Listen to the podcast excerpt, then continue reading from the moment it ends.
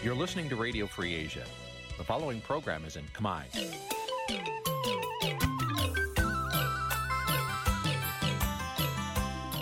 នេះជាកម្មវិធីផ្សាយ Vuthu Azizi Serai នេះជាកម្មវិធីផ្សាយរបស់ Vuthu Azizi Serai ជាភាសាខ្មែរ Vuthu Azizi Serai សូមស្វាគមន៍លោកអ្នកនាងទាំងអស់ពីរដ្ឋធានី Washington នៃសហរដ្ឋអាមេរិក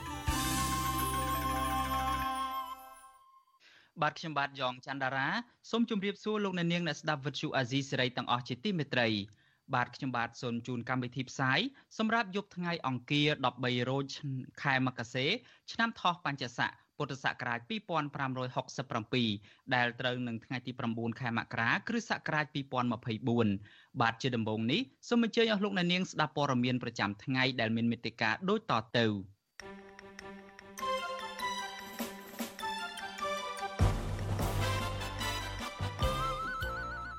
អតីតនាយករដ្ឋមន្ត្រីលោកហ៊ុនសែនធ្វើដំណើរទៅព្យាបាលភ្នែកនៅប្រទេសជប៉ុន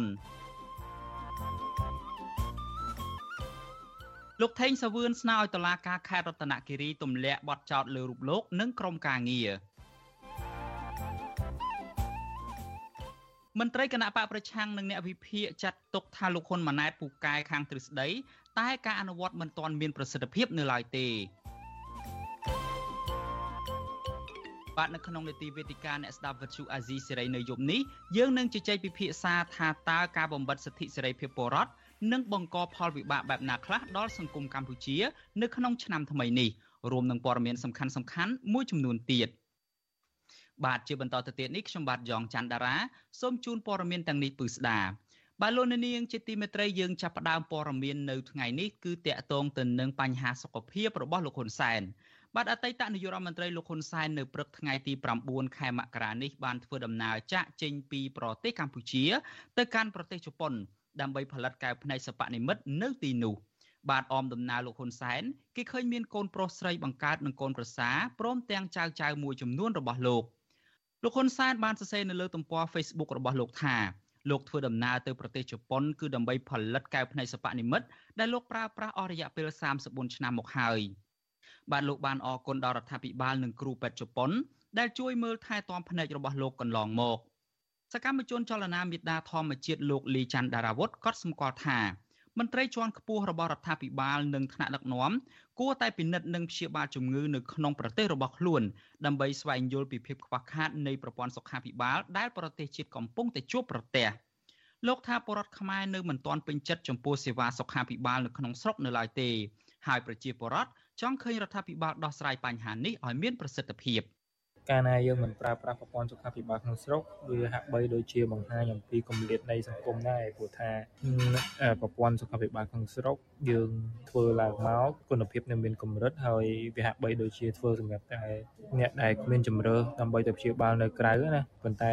សម្រាប់អ្នកមានលុយមានអំណាចគឺគេអាចទៅព្យាបាលនៅក្រៅប្រទេសបានហើយនេះគឺអត់សូវខ្វល់អំពីការវិវត្តនៃប្រព័ន្ធសុខាភិបាលនៅក្នុងស្រុកទេ បាទកាលពីថ្ងៃទី11ខែធ្នូឆ្នាំ2019លោកហ៊ុនសែនបានអះអាងថាលោកនឹងមិនធ្វើដំណើរទៅក្រៅប្រទេសដើម្បីពិនិត្យនិងព្យាបាលជំងឺទៀតនោះទេ នៅពេលដែលអគារមន្ទីរពេទ្យកាឡម៉ែតថ្មីសាងសង់និងបំពាក់ឧបករណ៍បច្ចេកទេសទំនើបរួចរាល់ហើយនោះក៏ប៉ុន្តែគេសង្កេតឃើញថាលោកហ៊ុនសែននិងមន្ត្រីជាន់ខ្ពស់រដ្ឋាភិបាលមួយចំនួន នៅតែបន្តរត់ទៅទទួលសេវាព្យាបាលនិងថែទាំសុខភាព នៅក្រៅប្រទេសដដែលជាឧទាហរណ៍ កាលពីពាក់កណ្ដាលឆ្នាំ2022អតីតរដ្ឋមន្ត្រីក្រសួងមហាផ្ទៃលោកសខេងបានធ្វើដំណើរទៅពិនិត្យសុខភាព និងព្យាបាលជំងឺនៅប្រទេសបារាំងចំណែកឯលោកហ៊ុនសែនវិញក៏តែងទៅទទួលព្យាបាលជំងឺនៅបរទេសដូចគ្នាដែរដូចជាកាលពីខែឧសភាឆ្នាំ2023កន្លងទៅលោកហ៊ុនសែនបានទម្លាយថាលោកបានលួចទៅវះកាត់ចង្កេះនៅមន្ទីរពេទ្យនៅក្នុងប្រទេសសង្ហបុរីកាលពី7ឆ្នាំមុន។ កម្មវិធី Vithu Azizi ស្រីសម្រាប់ទូរស័ព្ទដៃអាចឲ្យលោកអ្នកនាង អានអត្ថបទទស្សនាវីដេអូនិងស្ដាប់ការផ្សាយផ្ទាល់ដោយឥតគិតថ្លៃនិងដោយគ្មានការរំខានដើម្បីអាននិងទស្សនាមេតិការថ្មីថ្មីពី Vithu Azizi ស្រីលោកអ្នកនាងគ្រាន់តែចុចបាល់កម្មវិធីរបស់ Vithu Azizi ស្រីដែលបានដំឡើងរួចរាល់លើទូរស័ព្ទដៃរបស់លោកអ្នកនាង។ ប្រសិនបើលោកអ្នកនាងចង់ស្ដាប់ការផ្សាយផ្ទាល់ឬការផ្សាយចាស់ចាស់សូមចុចលើប៊ូតុងរូបវិទ្យុដែលស្ថិតនៅផ្នែកខាងក្រោមនៃកម្មវិធីជាការស្ដាយ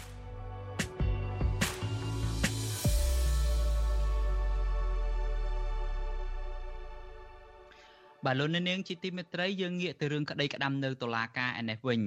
ប្រធានសមាគមសម្ព័ន្ធសហគមន៍កសិករកម្ពុជាលោកថេងសាវឿនស្នើដល់តុលាការខេត្តរតនគិរីឲ្យទម្លាក់ចោលបទចោទប្រកាន់លើរូបលោក និងក្រុមការងាររបស់លោកចំនួន2នាក់ផ្សេងទៀតខណៈតុលាការនឹងប្រកាសសាលក្រមសំណុំរឿងរបស់អ្នកទាំង3នៅពាក់កណ្ដាលខែនេះមន្ត្រីអង្គការសង្គមស៊ីវិលផ្នែកសិទ្ធិមនុស្សសង្ឃឹមថាតុលាការនឹងទម្លាក់ចោលបទចោទប្រកាន់ទៅលើអ្នកទាំង3ដើម្បីធ្វើឲ្យពួកគាត់មានឱកាស ជួយដល់កសិករកម្ពុជាដោយមានសេរីភាពពេញលេញឡើងវិញបាទយើងប្រកុលនេតិនេះជូនដល់កញ្ញាខណ្ឌលក្ខណារាយការណ៍ជូនដល់លោកអ្នកនាង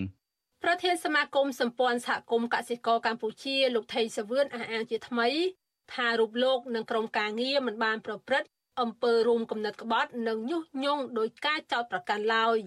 សាលាដំបងខេត្តរតនគិរីកាលពីថ្ងៃទី8មករាបានបើកសវនកម្មជំនុំជម្រះក្តីសំណុំរឿងលោកថេងសវឿនលោកញ៉លភៀបនិងលោកឋានហាជក្រោមបទចោទប្រកាន់រួមគំនិតក្បត់និងញុះញង់ឲ្យប្រព្រឹត្តអំពើបង្កឲ្យមានភាពវឹកវរធ្ងន់ធ្ងរដល់សន្តិសុខសង្គមពាក់ព័ន្ធនឹងការរៀបចំសិក្ខាសាលាបណ្ដុះបណ្ដាលមួយនៅខេត្តនេះកាលពីខែឧសភាឆ្នាំ2023ប្រធានសមាគមសម្ព័ន្ធសហគមន៍កសិករកម្ពុជាលោកថេងសាវឿន ប្រាប់វិសុអាស៊ីសេរីនៅថ្ងៃទី9មករាថាភ័ស្តុតាងដែលចៅក្រមលើកយកមកដាក់បន្ទុកលើលោកនិងក្រុមការងារពីររូបទៀតគឺពាក់ព័ន្ធនឹងការពិភាក្សាគ្នានៅក្នុងក្រុមរវាងគ្រូនិងសិក្ខាកាមចូលរួមហើយចៅក្រមថាមានឯកសារមួយបានសរសេរដោយប្រើប្រាស់ភាសាមួយចំនួនប៉ះពាល់ដល់រាជរដ្ឋាភិបាលហើយឯកសារខ្លះតុលាការថាប៉ះពាល់ដល់អង្គព្រះមហាក្សត្រ ទោះជាយ៉ាងណាលោកថេងសាវឿនថានៅក្នុងបន្ទប់សវនកម្មក្រមលោកបានបញ្ជាក់ទៅកាន់ចៅក្រមជំរះថាពួកគាត់គ្មានគោលបំណងឬក៏មិនមានចេតនាណាមួយរួមគំនិតក្បត់និងញុះញង់ដោយការចោទប្រកាន់ឡើយពីព្រោះការធ្វើសិក្ខាសាលានេះឈរទៅលើការងារវិជ្ជាជីវៈប៉ុន្តែលោកទទួលស្គាល់ចំពោះកំហុសនៅការឆក់ល្វែងរួមជាមួយការគិតមិនដល់ ដែលធ្វើឲ្យមានការប្រើប្រាស់ភាសានិងកិច្ចពិភាក្សាជ្រុលជ្រួសហើយកំហុសទាំងអស់នេះលោកថាលោកនឹងក្រុមការងារបានសុំទោសជាសាធារណៈរួចហើយខ្ញុំสนុំពរយ៉ាងទទួចដល់ប្រធានក្រុមប្រឹក្សាជំនុំជម្រះនិងចៅក្រមសាលាដំបងខេត្តរតនគិរីមេត្តាពិនិត្យលទ្ធភាព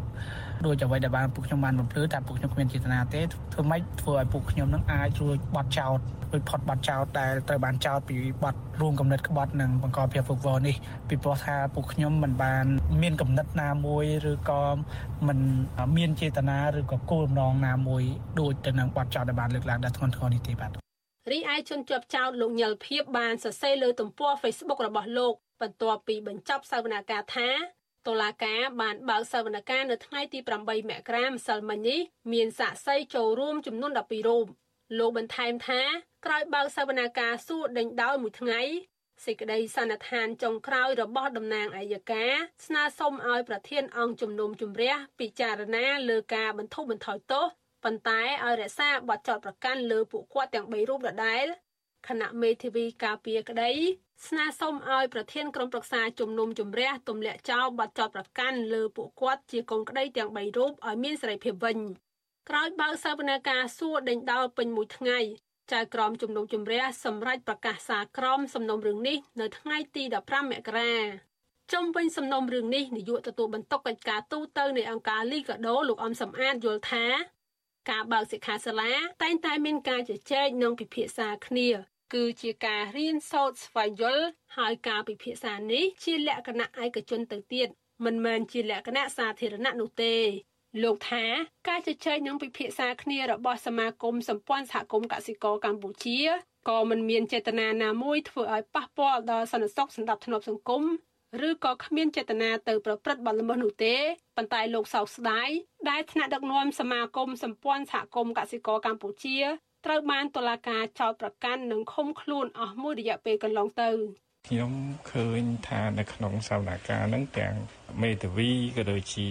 អ្នកទាំង3ក៏បានស្នើសុំឲ្យមានការទម្លាក់ប័ណ្ណចោទប្រកាន់ទៅលើរូបគាត់ហ្នឹងដើម្បីធ្វើម៉េចឲ្យគាត់បានធ្វើការងារ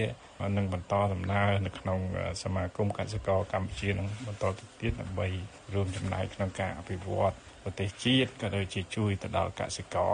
បាទអញ្ចឹងយើងជាអង្គការសង្គមស៊ីវិលយើងនៅតែ ទទូចនិងសង្ឃឹមថា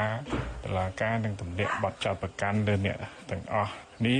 ឲ្យមានសេរីភាពដើម្បីធ្វើការងារបានពេញដៃពេញជើងដើម្បីជួយទៅដល់កសិករកម្ពុជាឡើងវិញបាទ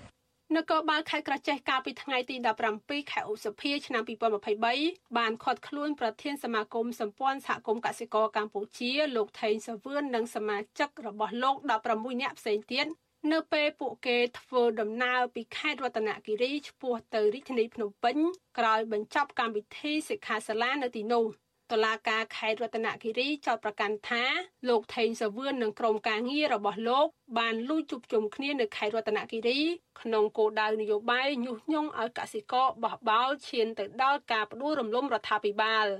បន្ទាប់មកតុលាការបានសម្រេចដោះលែងអ្នកផ្សេងទៀតឲ្យមានសេរីភាព លើកលែងតែលោកថេងសាវឿនលោកញិលភៀបនិងលោកឋានហាជត្រូវបានតុលាការសម្រេចឃុំខ្លួនមួយរយៈពេលខ្លីប៉ុន្តែពួកគេក៏ត្រូវបានតុលាការដោះលែងឲ្យនៅក្រៅឃុំបណ្ដោះអាសន្ននិងស្ថិតនៅក្រោមការត្រួតពិនិត្យតាមផ្លូវតុលាការ និងហាមធ្វើដំណើរចេញទៅក្រៅប្រទេសរហូតដល់ពេលនេះទោះជាយ៉ាងណាការដោះលែងនេះ ក្រោយពេលលោកថេងសវឿនបានបង្ហោះសារជាលិខិតនិងវីដេអូចេញពីពន្ធនាគារសុំទោសនិងទទួលស្គាល់កំហុសរបស់ខ្លួន ចំពោះការចោទប្រកាន់លើរូបលោកក្រោយពីចេញពីពន្ធនាគារលោកថេងសវឿននិងក្រុមការងារទាំង3នាក់ក៏បានទៅជួបអតីតនាយករដ្ឋមន្ត្រីលោកហ៊ុនសែនផងដែរ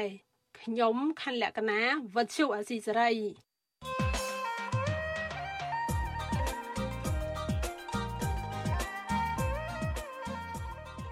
បាទលោកនាងជាទីមេត្រីរដ្ឋាភិបាលរបស់លោកហ៊ុនម៉ាណែតបានស្វាគមន៍ឆ្នាំថ្មីនេះដោយការចាប់ចងអ្នកបញ្ចេញមតិរិះគន់ដាក់គុកនិងការរដ្ឋបិទទៅលើសិទ្ធិសេរីភាពរបស់ប្រជាពលរដ្ឋដោយរដ្ឋាភិបាលអាណត្តិមុនមុនដែររដ្ឋាភិបាលថ្មីរបស់លោកហ៊ុនម៉ាណែតនេះបន្តប្រើប្រាស់ប្រព័ន្ធតុលាការជាឧបករណ៍នៅក្នុងការបំបិទសម្លេងរិះគន់និងសម្លេងប្រឆាំង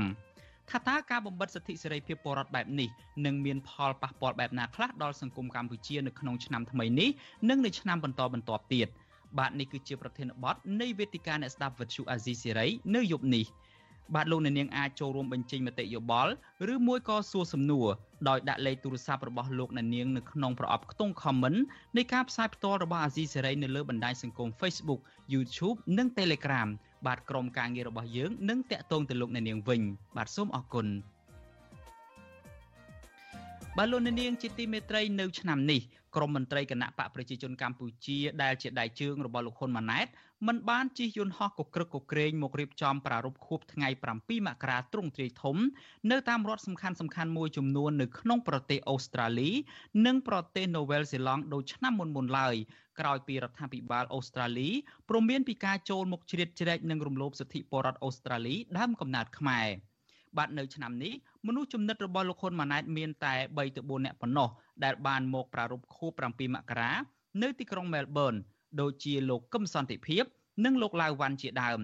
តើហេតុអ្វីទើបបានជាមន្ត្រីសំខាន់សំខាន់នៃគណៈបកប្រជាជនកម្ពុជា មានចំនួនតិចតួចដែលមកប្រារព្ធខួប7មករានៅទ្វីបមួយនេះហើយថាតើការប្រារព្ធខួប7មករានៅឆ្នាំនេះមានស្ថានភាពខុសគ្នាពីឆ្នាំមុនបែបណាខ្លះ បាទនៅពេលបន្តិចទៀតនេះយើងនឹងមានការបកស្រាយរឿងនេះដោយផ្ទាល់ពីសំណាក់លោកថាថៃដូច្នេះសូមលោកនាងរងចាំស្ដាប់ការបកស្រាយនិងការរាយការណ៍ផ្ទាល់របស់លោកថាថៃអំពីរឿងនេះកុំបីខានបាទសូមអរគុណបាទលោកនាងជាទីមេត្រីថ្មីថ្មីនេះដោយដែលលោកនាងបានជ្រាបស្រាប់ហើយថារដ្ឋាភិបាលបានបង្កើតយុទ្ធនាការ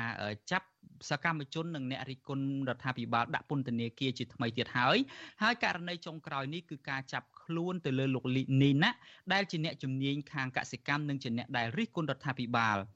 អ្នកប្រាស្រ័យបណ្ដាញសង្គមមួយចំនួននិងអង្គការសិទ្ធិមនុស្សជាតិនិងអន្តរជាតិបានបញ្ចេញសាររិះគន់ព្រមព្រមគ្នាអំពីការចាប់ខ្លួនលោកនីណាជាលើកទី2នេះថាជារឿងមិនត្រឹមត្រូវនោះទេ ហើយថាវាជារឿងអយុត្តិធម៌ថ្មីមួយទៀតសម្រាប់លោកនីណាក រណីនេះសបញ្ជាក់ឲ្យឃើញថាឆ្នាំថ្មីឆ្នាំ2024នេះនឹងក្រោយពីកម្ពុជាមាននាយករដ្ឋមន្ត្រីថ្មីបន្តវេនពីឪពុកកូនបែបនេះធ្វើឲ្យកម្ពុជាកាន់តែដើរចាកឆ្ងាយពីគន្លងប្រជាធិបតេយ្យនិងសិទ្ធិមនុស្សជាពិសេសសិទ្ធិបញ្ចេញមតិដែលបានធានាដោយច្បាប់ជាតិនិងអន្តរជាតិបាទជាបន្តទៅទៀតនេះលោកសេកបណ្ឌិតសូមដកស្រង់នៅទស្សនៈមតិយោបល់របស់អ្នកប្រើប្រាស់បណ្ដាញសង្គមមួយចំនួនតាក់ទងទៅនឹងរឿងនេះដូចតទៅ អ្នកប្រើប្រាស់បណ្ដាញសង្គមមួយចំនួនមើលឃើញថារដ្ឋាភិបាលថ្មី និងអាជ្ញាធរមានសមត្ថកិច្ចនៅឆ្នាំថ្មីនេះ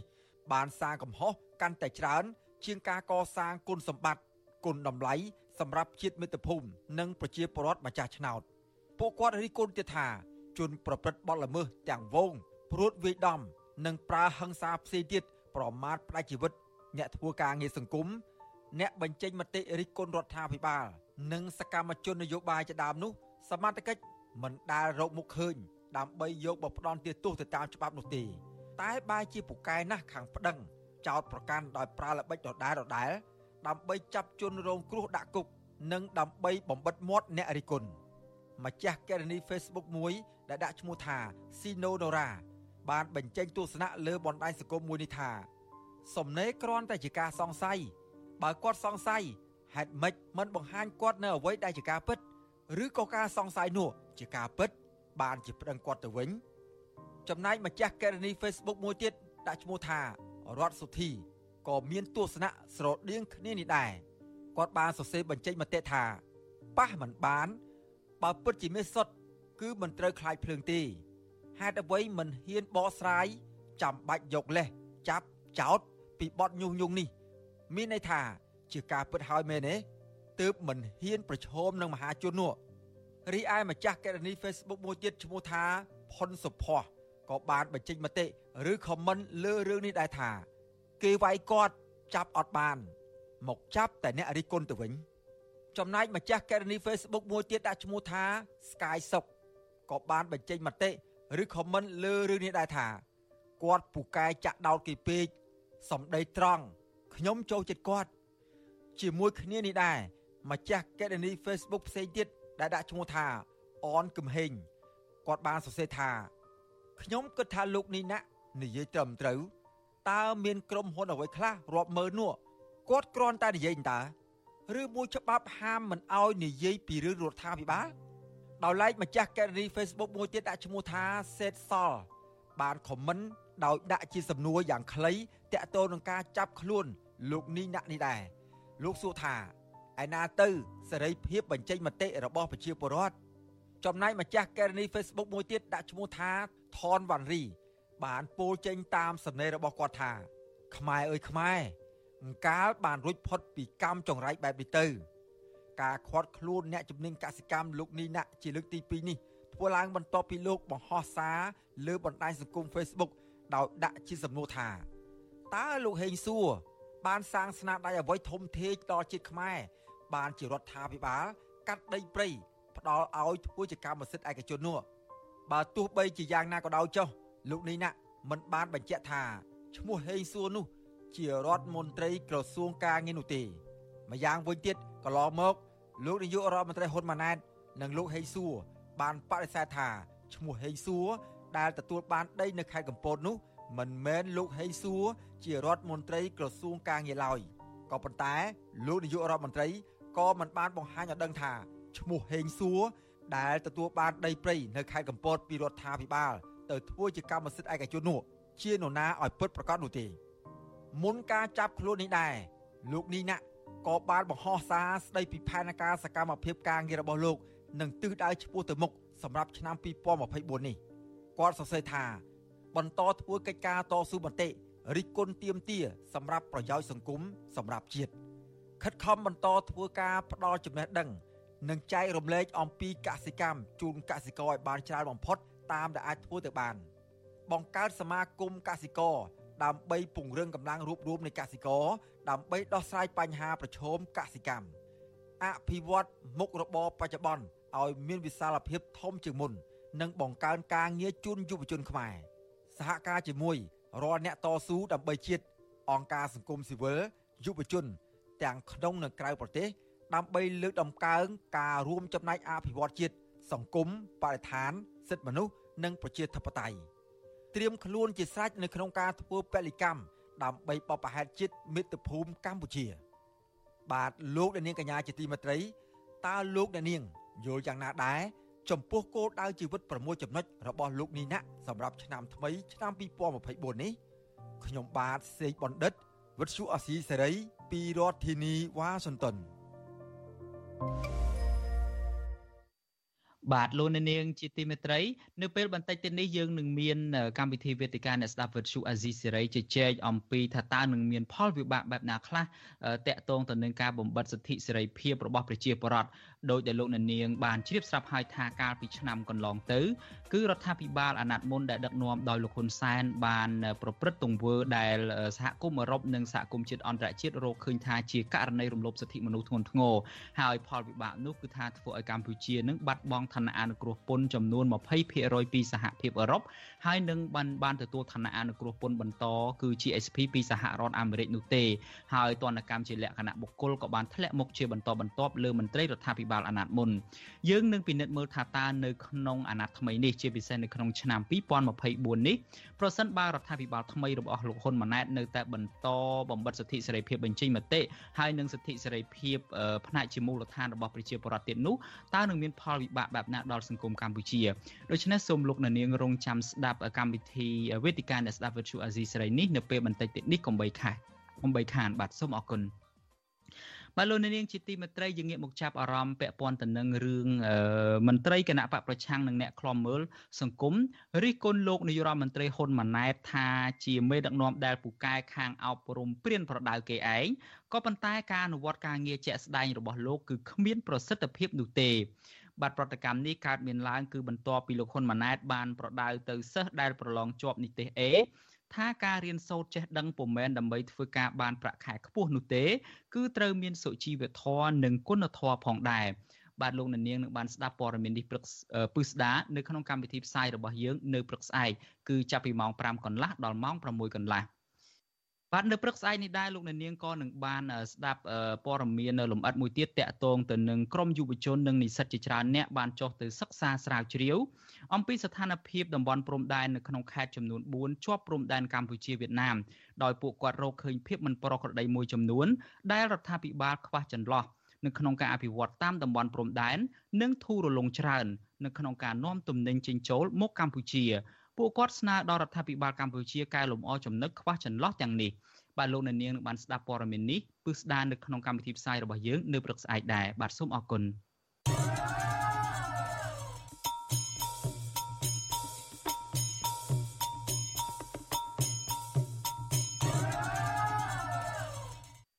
បាទលោកនាងជាទីមេត្រីដោយខ្ញុំបាទបានជម្រាបជូនពីខាងដើមហើយថានៅថ្ងៃនេះគឺលោកថាថៃនឹងចូលខ្លួនមកបកស្រាយតាក់ទងទៅនឹងសកម្មភាពរបស់សាខាគណៈបកប្រជាជនកម្ពុជានៅក្នុងប្រទេសអូស្ត្រាលីនិងនូវែលសេឡង់ហើយលោកថាថៃបានប្រាប់មកថានៅឆ្នាំនេះមានភាពខុសប្លែកមែនទែនតាក់ទងទៅនឹងការប្រារព្ធខួប7មករាដែលរដ្ឋាភិបាលអះអាងថាជាទិវាជ័យជំនះរំដោះកម្ពុជាចេញពីរបបបល្ល័យពូជសាសន៍ហើយនាំសន្តិភាពមកកម្ពុជាអញ្ចឹងជាដើមដូច្នេះឥឡូវនេះយើងបានឃើញលោកថាថៃហើយខ្ញុំបាទសូមជម្រាបសួរថៃពីចម្ងាយបាទបាទជម្រាបសួរតារានិងសូមជម្រាបសួរដល់ប្រិយមិត្តអ្នកស្ដាប់វិទ្យុអាស៊ីសេរីបាទ បាទអរគុណច្រើននៅថៃយើងបានជួបគ្នាម្ដងទៀតហើយហើយស្មាននេះយប់ណាស់ទៅហើយនៅប្រទេសអូស្ត្រាលីនោះប៉ុន្តែដោយលោកនាងជ្រាបហើយថាថៃបានពុះពៀជំនះណាស់នៅក្នុងការប្រមូលព័ត៌មានចងក្រងព័ត៌មាននៅក្នុងប្រទេសអូស្ត្រាលីតកតងទៅនឹងសហគមន៍ខ្មែរតកតងទៅនឹងការពង្រឹងបណ្ដាញរបស់គណៈបកប្រជាជនកម្ពុជាអីនៅទីនោះហើយដូច្នេះសូមបកគលនីតិនេះជូនដល់ថៃតែម្ដងទៅតើមានអ្វីគួរឲ្យចាប់អារម្មណ៍សម្រាប់សកម្មភាពរបស់សាខាគណៈបកប្រជាជនកម្ពុជានៅអូស្ត្រាលីនេះជាពិសេសទៅលើរឿងព្រឹត្តិការណ៍ដែលថ្មីថ្មីនេះគឺថ្ងៃ7មករានោះបាទបាទអរគុណតារាណែគឺជាដំបូងនេះដើម្បីឲ្យងាយយល់ខ្ញុំសូមជម្រាបជូនថានៅប្រទេសអូស្ត្រាលីនេះត្រូវបានគណៈបកប្រជាជនកម្ពុជានឹងបានពុះចែកជា9តំបន់មានអូស្ត្រាលី7តំបន់ហើយនិងប្រទេសញូហ្សេឡង់នឹងចំនួន2ទៀតដូច្នេះសរុបទៅគឺ9តំបន់នៅក្នុងទ្វីបមួយនឹងបាទហើយនៅក្នុងទ្វីបនឹងគឺគ្រប់គ្រងត្រួតត្រាទៅដោយមនុស្សចំណិតចំណិតរបស់លោកហ៊ុនម៉ាណែតហើយពួកគេគឺជាមន្ត្រីជាន់ខ្ពស់ទាំងផ្នែកស៊ីវិលនិងផ្នែកយោធាហើយនិងជាប៉ូលីសតែម្ដងបាទភាគច្រើនគឺជាមន្ត្រីប៉ូលីសជាន់ខ្ពស់ហើយបើមន្ត្រីស៊ីវិលវិញគឺជាមន្ត្រីដែលគ្រប់គ្រងខាងលុយកាក់ហើយនិងការផ្នែកច្បាប់អីជាដើមបាទអឺក៏ប៉ុន្តែតារាអ្វីដែលយើងកត់សម្គាល់នឹងគឺថាកាលពីប្រហែលឆ្នាំមុនអឺគ្រប់រដ្ឋទាំងអស់នៅពេលដែលមានការបែងចែកហើយរួចនឹងគឺថាមន្ត្រីគណៈបកប្រជាជនកម្ពុជាតែងតែជិះយន្តហោះកក្រឹកកក្រែងមករៀបចំពិធីជួបលៀងជួបជុំជាពិសេសនៅក្នុងឱកាស ថ្ងៃ7មករាហ្នឹងគឺថាតែងតែមកប្រពជួបហើយមានរយៈពេលវែងរហូតដល់សឹងថាកន្លះខែតែម្ដងតាំងពីថ្ងៃទី1រហូតដល់ថ្ងៃពាក់កណ្ដាលខែមករាហ្នឹងគឺថាតែងតែប្រពនៅតាមរដ្ឋសំខាន់សំខាន់ទាំងនៅប្រទេសអូស្ត្រាលីទាំងនៅប្រទេសនូវែលសេឡង់ឬប្រទេសញូហ្សេឡង់ហ្នឹងបាទអឺក៏ប៉ុន្តែយើងឃើញថានៅឆ្នាំនេះ មានតែនៅក្នុងទីក្រុង Melbourne នៅរដ្ឋ Victoria មួយទេ ដែលយើងឃើញថាមានការរៀបចំពិធីប្រពខួប7មករាលក្ខណៈធំមួយហើយដែលមានការចូលរួមពីលោកគឹមសន្តិភាពលោកគឹមសន្តិភាពគឺជាអ្នករៀបចំគឺជា ប្រធានអង្គការចាត់តាំងគណៈបកប្រជាជនកម្ពុជាប្រចាំប្រទេសអូស្ត្រាលីនិងប្រទេសណូវែលសេឡង់ហើយនឹងលោកឡាវវ៉ាន់គឺជាអនុប្រធានហើយក៏ជាប្រធានក្រុមការងារនៅទីក្រុងមែលប៊នដែរហើយយើងឃើញថាមានម្នាក់ទៀតគឺលោកឈឹមសារ៉េតដែលជាអគ្គនាយកនៃក្រសួងសេដ្ឋកិច្ចនិងហិរញ្ញវត្ថុបាទហើយក៏ពិធីប្រគូ7មករាហ្នឹងក៏មានការចូលរួមពីខាងឯកអគ្គរដ្ឋទូតកម្ពុជាប្រចាំ ប្រទេសទាំងពីរគឺអូស្ត្រាលីនិងប្រទេសនូវែលសេឡង់គឺលោកអឺអឺជឿនបុរាណច័ន្ទបុរីដែរដែលបានចូលរួមប្រពខូបនឹងបាទដូចប៉ុន្តែដោយឡែកមន្ត្រីគណៈបកប្រជាជនកម្ពុជាផ្សេងផ្សេងទៀតនឹងគឺមិនបានចូលរួមប្រពខូបនៅ7មករានៅតាមរដ្ឋដែលពួកគេត្រួតត្រានោះទេបាទមួយចំនួនហ្នឹងគឺពួកគេបានជួបជុំហើយប្រពខូបតាមប្រព័ន្ធបណ្ដាញទំនាក់ទំនងសង្គមគឺប្រព័ន្ធ Zoom ដោយមិនបានជួបជុំដោយផ្ទាល់ទេហើយក៏មិនមានចំនួន ទ្រង់ទ្រាយធំដែរដោយឡែកនៅ Melbourne ហ្នឹងគឺមានការជួបជុំខាងលោកគឹមសន្តិភាពបានបង្ហោះសារនៅលើបណ្ដាញសង្គម Facebook ហើយថាការជួបជុំហ្នឹងគឺធ្វើនៅក្នុងភោជនីយដ្ឋានមួយនៅទីក្រុង Melbourne ហ្នឹងគឺហាងអាណាបេឡាដែលគេស្គាល់ពីមុនមកប៉ុន្តែទើបបានបដូរឈ្មោះថ្មីមកទៀតបាទគឺអឺហាងឈ្មោះថ្មីមួយហើយមានការលោកថាមានការចូលរួមនឹងពីប្រជាពលរដ្ឋនឹងចំនួន700អ្នកជាង ក៏ប៉ុន្តែបើយើងមើលទស្សនវិជ្ជានៅក្នុងពិធីជួបជុំនឹងគឺមនុស្សមិនអាចដល់ចំនួននោះទេបាទមានអ្នកប្រាប់ខ្ញុំថា អ្នកដែលបានចូលរួមនឹងបានទម្លាយប្រាប់ពួកខ្ញុំថាបានប្រាប់មកខ្ញុំថាមានចំនួនតែប្រមាណ3ទៅ400អ្នកប៉ុណ្ណោះហើយក៏ទំហំទីតាំងនឹងបើសិនជាដូចលោកគឹមសន្តិភាពអះអាងថាចំនួន700អ្នកមែនក៏មិនអាចផ្ទុកមនុស្សអស់បានដែរបាទអឺនេះគឺជាការលើកឡើងរបស់ប្រជាពលរដ្ឋដែលបានចូលរួមនឹងហើយក៏មិនខុសពីឆ្នាំមុនដែរពិធីជួបជុំនេះគឺមានការរៀបចំអឺ ចេញលុយឲ្យប្រជាពលរដ្ឋដែលទៅចូលរួមនឹងគឺថាទទួលទានអាហារ free free មានគ្រឿងសង្វឹងមាន អាហារមានការរំកំសាន្តអីអញ្ចឹងទៅហើយក៏មានការថ្លែងសារពីក្រមលោកគឹមសន្តិភាពនឹងដែរបាទដូច្នេះគឺពួកគេហោះពីប្រទេសក្រីក្រមកយកលុយមកចំណាយនៅក្នុងប្រទេសអ្នកមានជួបជុំដើម្បីឃោសនានយោបាយឃោសនាថ្ងៃ7មករាហើយសារនយោបាយរបស់ពួកគេនឹង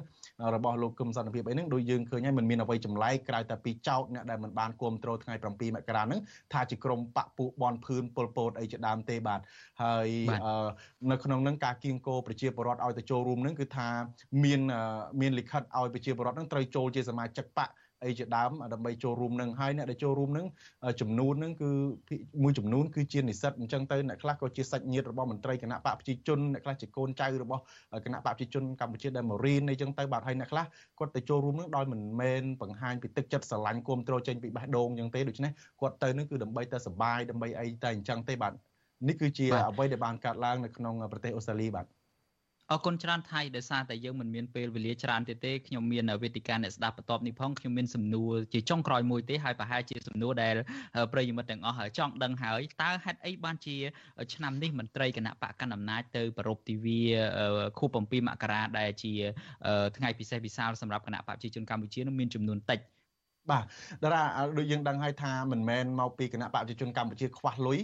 នោះទេពីព្រោះគណៈបកប្រជាជនកម្ពុជាមិនខ្វះលុយកាក់ក្នុងការមកជាយន្តហោះមករៀបចំនោះទេបាទពីព្រោះពួកគេតែងតែរកស៊ីរកលុយតាមរយៈការប្រើវិធីផ្សេងផ្សេងទាំងការប្រើអំណាចទាំងការរកស៊ីមិនត្រឹមត្រូវជាដើមតាមរយៈប្រព្រឹត្តអំពើពុករលួយដែលមានការរាយការណ៍ដោយអង្គការអន្តរជាតិមួយចំនួនរួចទៅហើយហើយក៏មិនមែនថាពួកគេរវល់ដោះស្រាយបញ្ហាជាតិនោះដែរអ្វីដែលពួកកន្លងមកគឺថាតែងតែមកធ្វើកក្រឹកកក្រែងក៏ប៉ុន្តែយើងក៏សម្គាល់ថា ការដែលអខានមិនសូវឃើញមានសកម្មភាពមន្ត្រីគណៈបកប្រជាជនកម្ពុជាមកកក្រឹកកក្រែងនឹងក្រោយពេលដែលមានសហគមន៍ខ្មែររួមទាំងតំណាងរាស្ត្រអូស្ត្រាលីទាំងពីគណៈបកកំពុងកាន់អំណាចទាំងគណៈបកប្រឆាំងគឺគណៈបកសេរីនិយមនិងគណៈបកពលករហ្នឹងគឺបានទៀមទាទៅរដ្ឋាភិបាលទៅក្រសួងមហាផ្ទៃជាដើមនឹងឲ្យមានការដកហូតទឹកតការគុំផ្ដាល់ទឹកតការទៅដល់មន្ត្រីគណៈបកប្រជាជនកម្ពុជាតែមទៀតដូចជាលោកកឹមសន្តិភាពដូចជាក្មួយប្រុសរបស់លោកហ៊ុនសែនគឺលោកហ៊ុនតូជាដើមនិងមន្ត្រីគណៈបកប្រជាជនកម្ពុជាមួយចំនួនដោយតំណាងរាស្ត្ររួមទាំងសហគមន៍ខ្មែរនឹងបានចោទថាអ្នកទាំងនេះគឺមកប្រទេសអូស្ត្រាលីដើម្បីមកបំបែកបំបាក់កកោកកាយសហគមន៍ខ្មែរឲ្យមានការប្រេះឆារួមទាំងការបំពៀបំពៀនសិទ្ធិ ឲ្យប្រជាពលរដ្ឋខ្មែរនឹងមិនអាចអនុវត្តសិទ្ធិដើម្បីបំបិតសិទ្ធិពលរដ្ឋខ្មែរបំបិតមាត់ប្រជាពលរដ្ឋខ្មែររួមទាំងការទិញទឹកចិត្តផ្សេងផ្សេងការជ្រៀតជ្រែកអីផ្សេងផ្សេងនឹងហើយដូច្នេះក៏ធ្វើឲ្យរដ្ឋាភិបាលអូស្ត្រាលីនឹងទំនងជាមានការដកវីសាពីព្រោះគេមើលឃើញថាក្រោយពេលដែល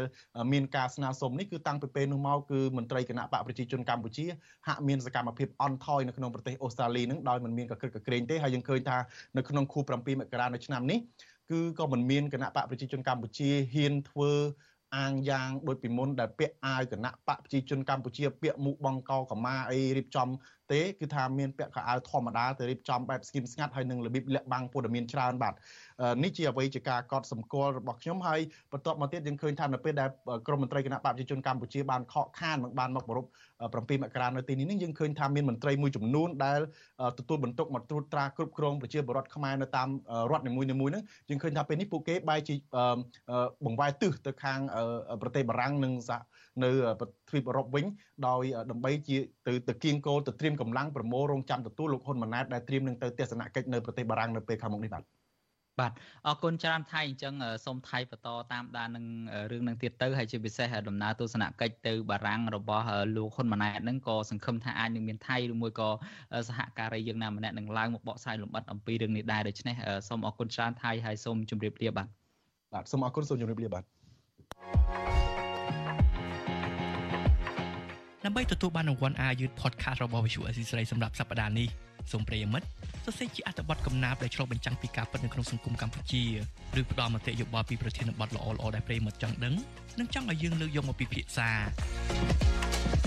សូមកុំភ្លេចបញ្ជាក់អាស័យដ្ឋានរបស់លោកអ្នកនាងរួចផ្ញើចម្លើយទៅកាន់អ៊ីមែលរបស់យើង contact@ofa.org នាដំណាក់កាលនេះដើម្បីរក្សាសុវត្ថិភាពយើងនឹងចែកជូនអាយុនេះដល់ប្រិយមិត្តដែលកំពុងរស់នៅក្រៅប្រទេសកម្ពុជាតែប៉ុណ្ណោះ។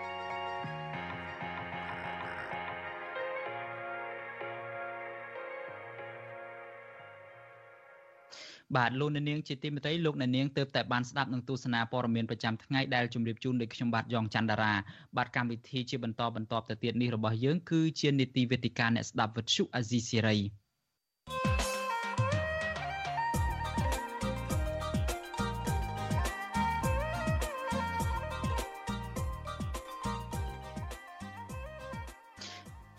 បាទខ្ញុំបាទយ៉ងច័ន្ទតារាសូមជម្រាបសួរលោកអ្នកនាងកញ្ញាជាថ្មីម្ដងទៀតជួបគ្នានៅក្នុងកម្មវិធីនេតិវេទិកាអ្នកស្ដាប់វិទ្យុអាស៊ីសេរីហើយកម្មវិធីរបស់យើងនៅពេលនេះគឺយើងនឹងជជែកពិភាក្សាផ្ដោតទៅលើផលវិបាកដែលនឹងកើតមានឡើងសម្រាប់សង្គមកម្ពុជា នៅក្នុងករណីដែលការបំបិទសិទ្ធិសេរីភាពប្រជាពលរដ្ឋនៅតែបន្តកើតមាននៅក្នុងរដ្ឋាភិបាលអាណត្តិថ្មីដឹកនាំដោយលោកហ៊ុនម៉ាណែត ហើយយើងមានវាគ្មិនកិត្តិយសពីររូបដែលអញ្ជើញចូលរួមជាមួយយើងនៅពេលនេះគឺទីមួយយើងមានលោកនីសុខាដែលជាប្រធានសមាគមការពារសិទ្ធិមនុស្សអាត6និងលោកវ៉ាន់ចាន់ឡូតដែលជាអ្នកសិក្សាផ្នែកច្បាប់ពួកលោកទាំងពីរអ្នកចូលរួមជាមួយយើងតាមរយៈប្រព័ន្ធវីដេអូ Skype ខ្ញុំបាទសូមជម្រាបសួរវាគ្មិនទាំងពីរពីចម្ងាយបាទ បាទខ្ញុំបាទមិនតន់ឮវាគ្មិននៅឡើយទេហើយក្រុមការងាររបស់យើងនឹងភ្ជាប់ទៅកាន់ពួកលោកទាំងពីរហើយមុននឹងទៅដល់បាទខ្ញុំបាទឃើញលោកនីសុខាហើយខ្ញុំបាទសូមជម្រាបសួរលោកនីសុខាពីចម្ងាយបាទបាទជម្រាបសួរបាទដូចជាអត់តន់ឮទេអត់តន់ឮសំឡេងទេលោកនីសុខាបាទអាចលោកបើកម៉ៃអីតិចទៅយើងអត់តន់ឮទេបាទ បាទឆ្លៀតនៅក្នុងឱកាសដែលយើងកំពុងតែភ្ជាប់ទៅកាន់វាគ្មិនរបស់យើងខ្ញុំបាទសូមជម្រាបជូនលោកអ្នកនាងថាដោយលោកអ្នកនាងបានជ្រាបស្រាប់ហើយថារដ្ឋាភិបាលថ្មីរបស់លោកហ៊ុនម៉ាណែតនេះហាក់ដូចជាចាប់ផ្ដើមឆ្នាំថ្មីដោយការចាប់ចងអ្នកបញ្ចេញមតិរិះគន់រដ្ឋាភិបាលនឹងដាក់ពន្ធនាគារហើយជាមួយគ្នានឹងក៏មានករណីនៃការរដ្ឋបិទទៅលើសិទ្ធិសេរីភាពរបស់ប្រជាពលរដ្ឋដែរ ហើយបើសិនជាយើងមើលទៅគឺករណីចុងក្រោយគេនេះគឺលោកនាងឃើញហើយមានការចាប់ខ្លួនលោកនីណាដែលជាអ្នកបញ្ចេញមតិរិះគន់ភាពអសកម្មរបស់មន្ត្រីរដ្ឋាភិបាលហើយពីម្សិលមិញនេះយើងក៏បាទសំទោសមិនមែនម្សិលមិញទេគឺម្សិលមួយថ្ងៃកាលពីថ្ងៃអាទិត្យហ្នឹងក៏មានករណីខាត់ខ្លួនក្រមយុវជនជាច្រើនអ្នកដែលបានធ្វើយុទ្ធនាការទៀមទីឲ្យរដ្ឋាភិបាលដាក់កោះកុងក្រៅជាឧឈានជាតិសមុទ្រដែរ ហើយការខាត់ខ្លួននឹងគឺថាត្រូវបានគេមើលឃើញថាជាករណីរដ្ឋបិទ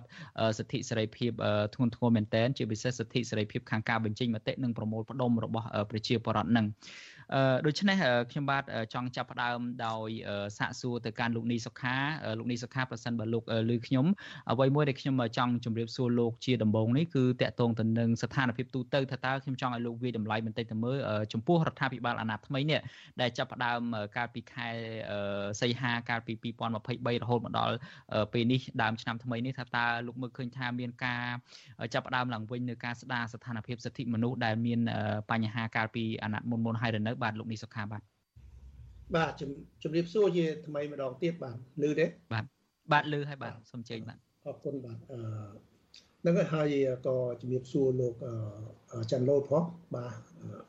ដែលបានចូលរួមជាវិក្កាមនៅក្នុងយុគនេះបាទហើយអឺជាការកត់សម្គាល់កន្លងមកនេះយើងឃើញថាអឺក្រោយពេលដែលរដ្ឋាភិបាលថ្មីបានចូលកាន់ តំណែងបាទតាំងពីខែ8មកបាទក្រោយពេលបោះឆ្នោតបាទយើងសង្កេតឃើញថាតកតទៅនឹងភាពប្រែប្រួលជារួមយើងឃើញថាហាក់បីដូចជាមិនទាន់មានសញ្ញាណាមួយដែលបង្ហាញអំពីការប្រែប្រួលជាវិជ្ជមានខ្ញុំនិយាយនេះខ្ញុំផ្ដោតទៅលើរឿងបញ្ហាសិទ្ធិមនុស្ស បាទពិសេសគឺការបន្សល់ទុកអំពីការដែលមានការរំលោភនិងការបិទសិទ្ធិមនុស្សកាលពីរដ្ឋាភិបាលអាណត្តិមុនបាទដែលតកតងទៅនឹងការរដ្ឋបិទទៅលើសេរីភាពជាមូលដ្ឋានតកតងទៅនឹងការដែលកន្លងមកមានការចាប់ខ្លួន ការឃុំខ្លួនឬក៏ការរដ្ឋបិទទៅលើសេរីភាពរបស់សកម្មជនអ្នកការពារសិទ្ធិមនុស្សអីហោហាយនោះគឺថាមកដល់ពេលនេះហាក់បីដូចជាមិនទាន់មានអ្វីប្រែប្រួលទេ គឺថាយើងឃើញថាទន្ទឹមនឹងមិនមានការប្រែប្រួលយើងក៏ឃើញមាននៅតែបន្តបាទហាក់បីដូចជានៅតែសកម្មភាពនៃការចាប់ខ្លួននៃការខាត់ខ្លួននឹងគឺនៅតែបន្តជាក់ស្ដែងយើងឃើញណាមានសកម្មជននយោបាយមួយចំនួនដូចជានៅខាងខេត្តប្រទីមានជ័យនៅខាងអីហ្នឹងគាត់ថាត្រូវទទួលរងនឹងការចាប់ខ្លួនជាបន្តបន្ទាប់ហើយមានស ហគមន៍មួយចំនួនគេថាក្រុមយុវជនមួយចំនួនហ្នឹងដែលបានធ្វើសកម្មភាពនៅក្នុងការសម្ដែងមតិហ្នឹងក៏ត្រូវបានរៀបរៀងត្រូវបានហាមឃាត់ពីសំណាក់អាជ្ញាធរមួយចំនួនហើយចំពោះការដែលអឺសកម្មភាព10ធ្នូយើងនោះធ្វើតែបិទថាយើងធ្វើបានមែនក៏ប៉ុន្តែយើងឃើញថាការដើរហែក្បួននៅតែមានការរៀបរៀងហើយ សកម្មភាពដែលយើងធ្វើហ្នឹងក៏នៅតែក្នុងកំឡុងនៃការរដ្ឋបិទមានលក្ខខណ្ឌមួយចំនួនច្រើនដែលធ្វើឲ្យមានការពិបាកនៅក្នុងការរៀបចំហើយគេហៅថាវាវាអត់មានសេរីភាពឲ្យមានជាសេរីភាពពេញលេញហ្នឹងគឺវាអត់មានទេហើយនៅក្នុងការដែលវាយដំទៅលើសកម្មជនដែល ដែលហ៊ាននិយាយរិះគន់ឬក៏ជាសកម្មជនដែលសកម្មខាងការងារសង្គមហ្នឹងយើងឃើញថានៅតែមានបន្តពីជនមិនស្គាល់មុខយើងឃើញថារដ្ឋាភិបាលអាណត្តិមុនហ្នឹងក៏មានការវាយដំច្រើនដែរអំពីជនមិនស្គាល់មុខហើយរហូតមកដល់ពេលនេះគឺអ្នកទាំងអស់ហ្នឹងមិនទាន់បានរកអីអ្នកដែលជនដៃដល់ហ្នឹងគឺអត់ទាន់មានសមត្ថកិច្ចណាមួយទៅរកអីឃើញនៅជនដៃដល់ទាំងអស់ហ្នឹងទេអញ្ចឹងមិនមិនត្រឹមតែមិនបានរកឃើញយើងឃើញថាមានការបន្តការវាយដំនឹងបន្តទៅទៀតហើយយើងឃើញថាម្ដងនេះមានការវាយដំរហូតទៅដល់នៅប្រទេសថៃអ្នកដែលបានភៀសខ្លួនទៅដល់ប្រទេសថៃហ្នឹងក៏ទទួលរងនឹងការប្រើប្រាស់អំពើហិង្សាហើយបើយើងមើលកត់សម្គាល់ឃើញសកម្មជនដែលហ៊ានបញ្ចេញមតិដោយលោកនីណាក់ហ្នឹងគឺថាទទួលរងនឹងការវាយដំចឹងខ្ញុំមើលឃើញអ្វីដែលជាការកត់សម្គាល់របស់ខ្ញុំជារួមគឺថា ហាក់បីដូចជារដ្ឋាភិបាលអាណត្តិថ្មីនោះមិនទាន់មានវិធានការអីឲ្យបានច្បាស់លាស់ឬក៏ឲ្យបានជាវិជ្ជមានក្នុងការឆ្លើយតបទាក់ទងទៅនឹងការស្ដារឡើងវិញនៅបញ្ហានៃសិទ្ធិមនុស្សដែលជាចំណុចជាបញ្ហាព្រួយបារម្ភរបស់សហគមន៍អឺរ៉ុបកន្លងមកទេយើងដឹងហើយថាកន្លងមកនេះសហគមន៍អឺរ៉ុបមានការ ផ្ដាច់នៅរញពន្ធអនុគ្រោះ20%នោះក៏ដោយសារតែរឿងបញ្ហានៃការដែលគេមើលឃើញអំពីរដ្ឋាភិបាលមានការគៀបសង្កត់និងការរដ្ឋបិទទៅលើបញ្ហាសិទ្ធិមនុស្សដែរពីព្រោះថាពន្ធអនុគ្រោះនេះវាមានសារភ្ជាប់នឹងលក្ខខណ្ឌនៃការគោរពសិទ្ធិមនុស្សអញ្ចឹងយើងឃើញថាកន្លងមកនេះគឺថាការផ្ដាច់នៅពន្ធអនុគ្រោះនោះក៏ដោយសារតែបញ្ហាដែលរដ្ឋាភិបាលមិនបានដោះស្រាយអំពីបញ្ហាសិទ្ធិមនុស្សដូចជាយើងដឹងថាអឺ មានបញ្ហាចម្រូងចម្រាសខាងនយោបាយមានការរំលោភសិទ្ធិអ្នកនយោបាយមានការអីចូលហែបាទបន្ទាប់ពីមានការរហូតដល់រំលាយនៅគណៈបពប្រឆាំងអីចូលហែមកហើយខ្ញុំឃើញអ្វីដែលយើងកត់សម្គាល់មួយទៀតដែរនោះគឺថាអឺធ្វើនៅពេលដែលរឿងរ៉ាវមិនមិនទាន់មានដំណោះស្រាយយើងឃើញថាបន្ទាប់ពីមានការកាត់ទោសលោកកឹមសុខាយើងដឹងហើយមានការកាត់ទោសលោកកឹមសុខា កាលពីខែឆ្នាំ2023មុននេះសហគមន៍អឺរ៉ុបគេបានចេញនៅសារមួយក្នុងការពិសេសគឺគេហៅសហភាសភារបស់អឺរ៉ុបហ្នឹងគេបានចេញសេចក្តីសម្រេចមួយ បាទនៅក្នុងការដែលអឺក្រោយពេលដែលមានការកាត់ទោសលោកកម្មសខាហ្នឹងគាត់ថាមាន ការដែលកាត់ទោសលោកកឹមសុខាហ្នឹងគេមើលឃើញថាវាអត់មានជាលក្ខណៈផ្លូវច្បាប់ត្រឹមត្រូវទេគាត់ថាវាផ្ទុយទៅនឹងស្តង់ដារនៃគោលការណ៍សិទ្ធិមនុស្សអន្តរជាតិហើយរួមទាំងរឿងការចាប់ខ្លួនសកម្មជនបពប្រឆាំងមួយចំនួនការបិទប្រព័ន្ធផ្សព្វផ្សាយ VOD អីជាដើមនេះគាត់ថា យើងឃើញសហគមន៍អឺរ៉ុបសភាអឺរ៉ុបនោះគេបានអំពាវនាវឲ្យរដ្ឋាភិបាលហ្នឹងគឺថាធ្វើការដោះលែងលោកកំសខាកាលពីនៅក្នុងអដែងចុងឆ្នាំពីនៅក្នុងចុងឆ្នាំ2023ហ្នឹងគឺថាសំទោសដើមឆ្នាំ2023មុនការបោះឆ្នោតហ្នឹងយើងឃើញថាសភាអឺរ៉ុបហ្នឹងបានអំពាវនាវធ្វើធ្វើយ៉ាងណាឲ្យរដ្ឋាភិបាលកម្ពុជានឹងដោះលែងលោកកំសខាធានាការបោះឆ្នោត ពេលខែ7 2023នឹងឲ្យបានប្រព្រឹត្តទៅឡើងដោយសេរីត្រឹមត្រូវយុត្តិធម៌ហើយនឹងប្រឈប់ការយាយីទាំងបំផិតបំភ័យទៅលើសកម្មជនសហជីពសកម្មជនសិទ្ធិមនុស្សសារព័ត៌មានឬក៏ឲ្យខាង VOD នឹងអាចដំណើរការឡើងវិញអីបានជាហោហាអញ្ចឹងនេះជាការអំពាវនាវរបស់សហគមន៍អឺរ៉ុបមករដ្ឋាភិបាលហើយគេបានបញ្ជាក់ដែរថាបើសិនជា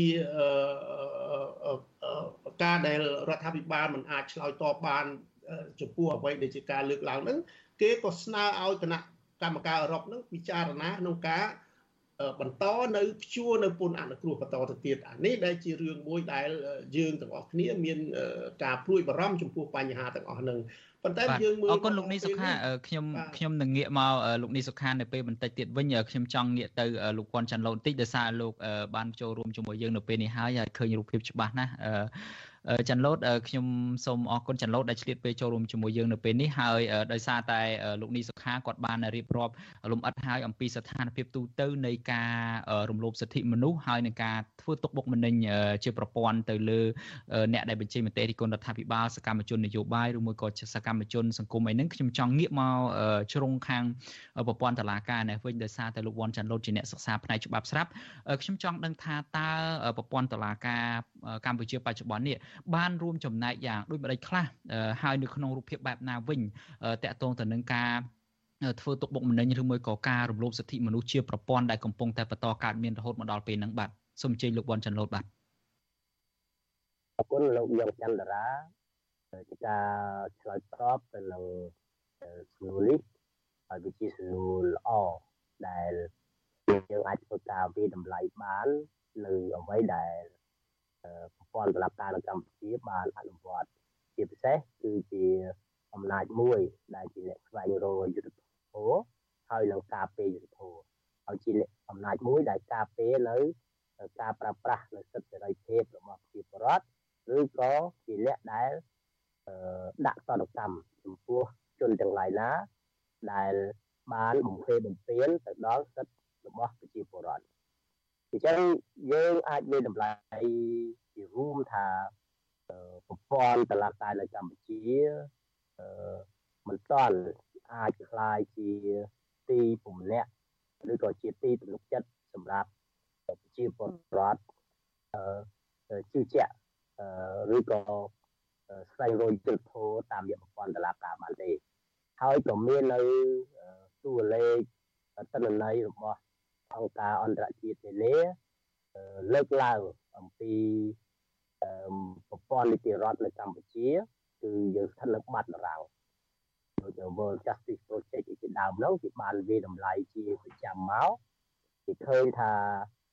នីតិរដ្ឋនៅកម្ពុជា គឺស្ថិតនៅលើតែប្រទេសវេណេស៊ុយអេឡាមួយឯងមានថាយើងវាអាក្រក់មែនតើហើយតួលេខនេះចង់តែអត់មានការប្រែប្រួលសោះក្នុងរយៈកាល5ឆ្នាំចុងក្រោយ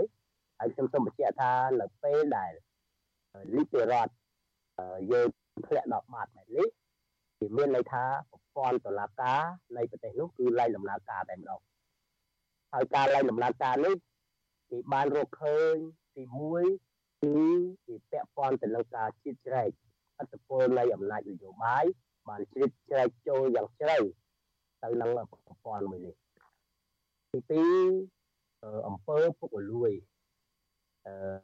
មានន័យថាប្រជាពលរដ្ឋគឺអ្នកដែលក្រីក្រអ្នកដែលរងគ្រោះសឹងតែមិនអាចពឹងពាក់ប្រព័ន្ធតុលាការបានទេនៅក្នុងការស្វែងរកយុត្តិធម៌ហើយបើត្រឡប់ទៅលើចំណុចទី1វិញខ្ញុំសូមបញ្ជាក់ថាបើយើងប្រៀបធៀបអំពីប្រព័ន្ធតុលាការបច្ចុប្បន្នទៅនឹងសម័យទសវត្ស80បន្ទាប់ពី បែកខ្មែរក្រហមមកទម្រង់ស្តៀងគ្នាមានន័យថាម៉េចគឺតឡាការល់សមាជិកមានចៅក្រមមានព្រះអាជ្ញាឬក៏ភេទទីពាក់ព័ន្ធផ្សេងៗទៀតរាប់ចាប់តាំងពីប្រធានតឡាការអីជាដើមរហូតទៅដល់ក្រមប្រឹក្សាឧត្តមក្រមប្រឹក្សានៃអង្គចៅក្រមគឺត្រូវតែចូលជាសមាជិករបស់បក បាទឥឡូវសម័យទស្សនវត្សតែទៀតហើយសប្តាហ៍នេះយើងឃើញតម្រឹងនេះខ្មែរជាត្រូវបានអនុវត្តនៅក្នុងអឺអឺសម័យកាលនេះទៅវិញដែលប្រទេសកម្ពុជាយើងបានអនុលោមបានដើរតាមប្រព័ន្ធប្រជាធិបតេយ្យសេរីពហុបក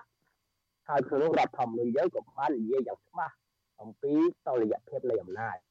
គឺការបែងចែកអំណាចដែលមានអំណាចទាំង3នោះត្រូវដាច់ចេញត្រូវឯករាជ្យពីគ្នា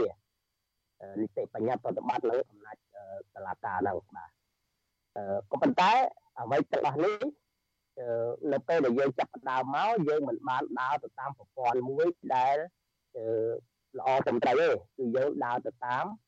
លក្ខណៈជានយោបាយចរិតនយោបាយហើយអ្នកណាដែលជាអ្នកឈ្នះអ្នកទទួលជ័យជំនះអ្នកនោះគឺមានសិទ្ធិអំណាចពេញទីនៅក្នុងការចាត់ចែងរៀបចំសមាជិកក្នុងការដឹកនាំរដ្ឋឬក៏បែងចែកនៅ ប្រព័ន្ធធនធានរបស់រដ្ឋអញ្ចឹងអឺត្រង់ចំណុចនេះខ្ញុំសូមបន្ថែមខ្លីថានៅពេលដែលប្រព័ន្ធតឡាការ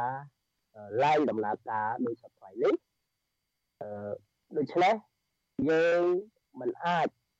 អឺវាតម្លៃបានថាការអនុវត្តរបស់រដ្ឋាភិបាលឬក៏អ្នកពាក់ព័ន្ធដែលមានអំណាចអីផ្សេងទៀតនោះ ខុសឬក៏ត្រូវដើម្បីឲ្យប្រជាពលរដ្ឋមើលឃើញប្រសិទ្ធក្នុងផ្នែកទេមានន័យថាអ្នកដែលហ៊ានរិះគន់រដ្ឋាភិបាលទោះបីជារឿងនោះតូចតាចយ៉ាងម៉េចក៏ដោយបែរជាត្រូវទទួលរងនៅការចោទប្រកាន់ពីសំណាក់តុលាការបាទឬក៏យើងឃើញថាតុលាការបែរជាคล้ายទៅជាយន្តការមួយដើម្បី ធ្វើឲ្យជាជាការពង្រឹងផែនទៅដល់ការអនុវត្តនៅសិទ្ធិសេរីភាពរបស់ប្រជាពលរដ្ឋទៅវិញបាទបាទក៏ប៉ុន្តែលោកវ៉ាន់ចាន់ឡូតដោយលោកបានជ្រាបស្រាប់ហើយថារដ្ឋាភិបាលនឹងគឺថាបានប្រកាសដាក់ចេញជាបន្តបន្ទាប់នៅកំណែតម្រង់ប្រព័ន្ធយុតិធធហើយមានការបង្កើតនឹងគណៈកម្មការអីជាងជាបន្តបន្ទាប់មួយរយៈមុននឹងមានការបង្កើតគណៈកម្មាធិការគេហៅថា ការដោះស្រាយវិវាទក្រៅប្រព័ន្ធតុលាការហើយប្រកាសហ្នឹងគឺថាហាក់ដូចជាជោគជ័យសម្បើមខ្លាំងណាស់នៅក្នុងការស្វែងរកយុត្តិធម៌ជូនប្រជាពលរដ្ឋនៅក្រៅប្រព័ន្ធតុលាការហ្នឹងហើយថ្ងៃនេះជាក់ស្ដែងលោកបានឃើញហើយថាមានការធ្វើសន្និសីទកសែតអីប្រកាសដាក់ចេញនៅយុទ្ធនាការដោះស្រាយការកកស្ទះសំណុំរឿងនៅតុលាការការត្រួតពិនិត្យការបំពេញមុខងាររបស់តុលាការអីហ្នឹងតើលោកមើលឃើញថាទាំងអស់នេះអាចជាដូចថាលទ្ធផលមួយឬមួយក៏ជាផ្លែផ្កាមួយអាចថា ធ្វើឲ្យប្រជាពលរដ្ឋជឿជាក់បានទេឬមួយក៏អាចមានប្រកបនៅរបៀបវរៈនយោបាយឯនៅពីក្រោយនឹងវិញបាទកន្លងមកយើងឃើញរដ្ឋាភិបាលព្យាយាមដោះស្រាយលើបញ្ហាក៏ប៉ុន្តែការដោះស្រាយនោះវាបានស្ថិតក្នុងរយៈពេលខ្លីវាអត់មែនជាការដោះស្រាយដែលត្រូវចំណុចទេខ្ញុំលើកពី3ចំណុចចុះតើតើទៅនឹងបើសិនជា លក្ខនយោបាយពិតជាមានឆន្ទៈនៅក្នុងការធ្វើកំណែតម្រង់ហើយឲ្យប្រព័ន្ធតឡាការជាអំណាចមួយដែលឯករាជ្យដូចទៅនឹងរដ្ឋធម្មនុញ្ញយើងទទួលស្គាល់ថាទីមួយវាចាប់ផ្ដើមចេញអំពីឆន្ទៈនៃលក្ខនយោបាយគឺមានទូអង្គរដ្ឋសភាសមាជិករដ្ឋសភានៅប្រទេសជាតិនោះបាទទីពីរក៏មានការរួមចំណែកពីខាងនីតិប្រតិបត្តិគឺរដ្ឋាភិបាល អញ្ចឹងអ្នកទាំងអស់នោះគាត់រៀបចំអឺចាប់ផ្ដើមពីការមានឆន្ទៈនយោបាយមួយគាត់ចង់ឲ្យប្រព័ន្ធតុលាការខ្លាយជាប្រព័ន្ធមួយដែលសម្រាប់ស្វែងរកយុត្តិធម៌ហើយនឹងការពារយុត្តិធម៌នោះបាទហើយនៅក្នុងនោះជំរុញយន្តការបន្តទៀតគឺជំរុញឲ្យឧត្តមក្រុមប្រឹក្សានៃអង្គការក្រមដែលមានសមាជិក9ឬ11រូបហ្នឹងគឺជាអ្នកដែលមិនចំណុះឲ្យអត្តពលនយោបាយឬក៏និយាយមួយបែបទៀតអ្នកទាំងអស់នោះគឺមិនពាក់ព័ន្ធទៅនឹង ផលប្រយោជន៍នយោបាយតទៅសោះជាអ្នកដែលមាននៅសុចរិតជាអ្នកដែលមាននៅសច្ចភាពជាអ្នកដែលស្រឡាញ់យ៉ាងមុះមុតចំពោះយុទ្ធធម៌ហើយជាអ្នកដែលមានបទពិសោធន៍នៅក្នុងវិស័យច្បាប់នៅប្រទេសបារាំងឬក៏នៅប្រទេសមួយចំនួននៅពេលដែលគេជ្រើសរើសនៅសមាជិកនៃតុលាការធម្មនុញ្ញនៅបារាំងដែលហៅតុលាការធម្មនុញ្ញគេអត់អឺអឺអឺខ្ញុំអធិស្ឋានឡើយនេះគឺអឺ គេនៅហើយនៅប្រាំគឺមានតឡាការធម្មនុញ្ញហ្នឹងដែលជាអ្នកត្រួតពិនិត្យអីអីសម្បត្តិហ្នឹងសមាជិកគឺគេចេះរឹងបែបហ្នឹងហើយនៅរបស់ហ្នឹងអត់មានតតចោះទៅនៅកំណោះផលប្រយោជន៍នយោបាយហ្នឹងអញ្ចឹងនៅខ្ញុំមកឃើញនៅពេលដែលរដ្ឋាភិបាលចាប់ផ្ដើមឲ្យសមាជិកភាពនៅដងក្រុមប្រឹក្សានៃអង្គការក្រមគាត់ឯករាជ្យហើយនៅពេលហ្នឹងឲ្យដងក្រុមប្រឹក្សានៃអង្គការក្រមគាត់រៀបចំចាត់ចែងតឡាការដល់ខ្លួនគាត់ដែរ អញ្ចឹងនៅពេលហ្នឹងហើយដែលពលឺនៃឯករាជ្យភាពរបស់តឡាការវាលើកឡើងក៏ប៉ុន្តែត្រឡប់មកវិញសប្តាហ៍នេះដែលយើងឃើញថាបាបក្នុងស្រុកដាក់ចេញយន្តការនេះដាក់ចេញយន្តការនោះយូរយូរអឺវាស្ថិតតែនៅក្នុងអំណាចនីតិប្រតិបត្តិជាអ្នកចង្អុលបង្ហាញជាអ្នករៀបចំចាត់ចែងហើយជាក់ស្ដែងទៅអឺគ្រាន់តែជារូបភាពមួយដើម្បីប្រម៉ែប្រមូលឲ្យស្ថិតនៅក្រោមអធិបុលរបស់ខ្លួនប៉ុណ្ណឹងខ្ញុំឧទាហរណ៍មួយ ក្រុមព្រឹកក្រុមប្រឹក្សាអឺដោះស្រាយវិវាទអាញាធនដោះស្រាយវិវាទក្រៅប្រព័ន្ធតុលាការហ្នឹងយើងចាំសួរថាវាចាំបាច់ទេដែលត្រូវមានវាមិនចាំបាច់ទេប៉ុន្តែយើងទទួលស្គាល់អំពីសារៈសំខាន់ប៉ុន្តែយន្តការផ្សេងៗទៀតមានឧទាហរណ៍ក្រុមប្រឹក្សាអាញាកដាលយើងគួរតែពង្រឹងយន្តជំរុញហើយនឹងពង្រឹងឲ្យពង្រីកលទ្ធលទ្ធភាពនៃការលើរបស់ ក្រុមប្រឹក្សាអាជ្ញាកណ្ដាលនឹងបន្ថែមទៅគឺគាត់ថាគឺយន្តការនោះដើរទៅបានហើយហើយកន្លងមកយើងឃើញតែក្រុមប្រឹក្សាអាជ្ញាកណ្ដាលនេះដែលជាអ្នកដោះស្រាយយើងក្រៅប្រព័ន្ធតុលាការនេះគឺមានការសាទរពីវិជាពលរដ្ឋបាទយើងគ្រាន់តែបង្រៀនបន្ថែមទៅគឺគឺវាដើរហើយ យើងមិនចាំបាច់អរគុណចន្ទលូតយើងនឹងលំអិតអំពីចំណុចនេះបន្ថែមទៀតហើយដូចលោកវ៉ាន់ចន្ទលូតបានរៀបរាប់បាញ់មិញអញ្ចឹងបញ្ហាមួយដែលពិបាកដោះស្រាយខ្លាំងមែនទែនហ្នឹងគឺតាក់ទងទៅនឹងសមាជិកភាពរបស់គណៈបកនយោបាយជាពិសេសគណៈបកប្រជាជនកម្ពុជាហ្នឹងទៅលើអ្នកដែលធ្វើការក្នុងប្រព័ន្ធយុតិធធម៌ហ្នឹងឬមួយក៏វិស័យតឡាការហ្នឹងយើងឃើញមានខាងចៅក្រមព្រះអញ្ញាហើយមានទាំងសមាជិកក្រុមប្រឹក្សាធម្មនុញ្ញឬមួយក៏តឡាការជាន់ខ្ពស់ហើយហ្នឹងគឺភាគច្រើនជាសមាជិករបស់គណៈបកប្រជាជនកម្ពុជានឹងឯងដូច្នេះនេះជាចំណុចមួយដែលពិបាកនៅក្នុងការធ្វើកំណែតម្រង់ខ្ញុំចង់ងាកទៅលោកនីសុខាបន្តិចវិញលោកលោកនីសុខាបានស្ដាប់បំបញ្ញមិញហើយតកតងទៅនឹងការរៀបរាប់របស់លោកវ៉ាន់ចាន់ឡូតការអះអាងពីការបដិញ្ញាចិត្តរបស់រដ្ឋាភិបាលនៅក្នុងការកែតម្រង់វិស័យតឡាការឬមួយប្រព័ន្ធយុតិធធននេះហាក់ដូចជាមិនមានប្រសិទ្ធភាពទេហើយបើងាកមកមួយជ្រុងទៀតវិញ ប្រព័ន្ធតឡាការនេះឯងក៏រួមចំណែកនៅក្នុងការរំលោភសិទ្ធិមនុស្សនៅក្នុងការធ្វើទុកបុកម្នេញជាប្រព័ន្ធទៅលើសិទ្ធិសេរីភាពរបស់ប្រជាពលរដ្ឋនឹងខ្ញុំចង់សួរលោកភ្ជាប់បំបញ្ញវិញទៅនឹងរឿងថាផលប៉ះពាល់វិញលោកនេះសុខាបំបញ្ញវិញរៀបរាប់អំពីផលប៉ះពាល់នោះគឺថាយើងអាចនឹងបាត់បង់ឋានៈអនុគ្រោះពន្ធបន្តទៀតថាតើមានផលវិបាកអីណាខ្លះទៀតដែលលោកប្រមាលមើលឃើញចំពោះស្ថានភាពបើសិនជាការរំលោភសិទ្ធិមនុស្សនឹងនៅតែបន្តទៅមុខទៀតនឹងបាទបាទហ្នឹងហើយយើងមិញដូចខ្ញុំបានបញ្ជាក់អញ្ចឹងថា ទី1អ្វីដែលយើងព្រួយបារម្ភគឺយើងអត់បានឆ្លើយតបជាវិជ្ជមានទៅនឹងអ្វីដែលសភាអឺរ៉ុបបានលើកឡើងកន្លងមកហើយគេរងចាំមើលអំពីដំណាក់កាលក្រោយរឿងបោះឆ្នោតសភានេះមួយហើយនឹងដំណាក់កាលក្រោយបោះឆ្នោតនោះតើតើមានកំណែតម្រង់អីប៉ុន្តែបើយើងមើលមកដល់ពេលនេះហាក់បីដូចជាកំណែតម្រង់ដំណោះស្រាយនិយាយអំពីការលើកកម្ពស់សិទ្ធិមនុស្សហ្នឹងគឺនៅហាក់បីដូចជាមិនទាន់មានឃើញជាវិជ្ជមានជាផ្លែផ្កាយទេ ចឹងហើយបាននេះជាចំណុចព្រួយបារម្ភមួយហើយបើសិនជាការដែលរំលោភសិទ្ធិមនុស្សនៅតែបន្តកើតមានយើងឃើញថាអ្នកដែលរងគ្រោះ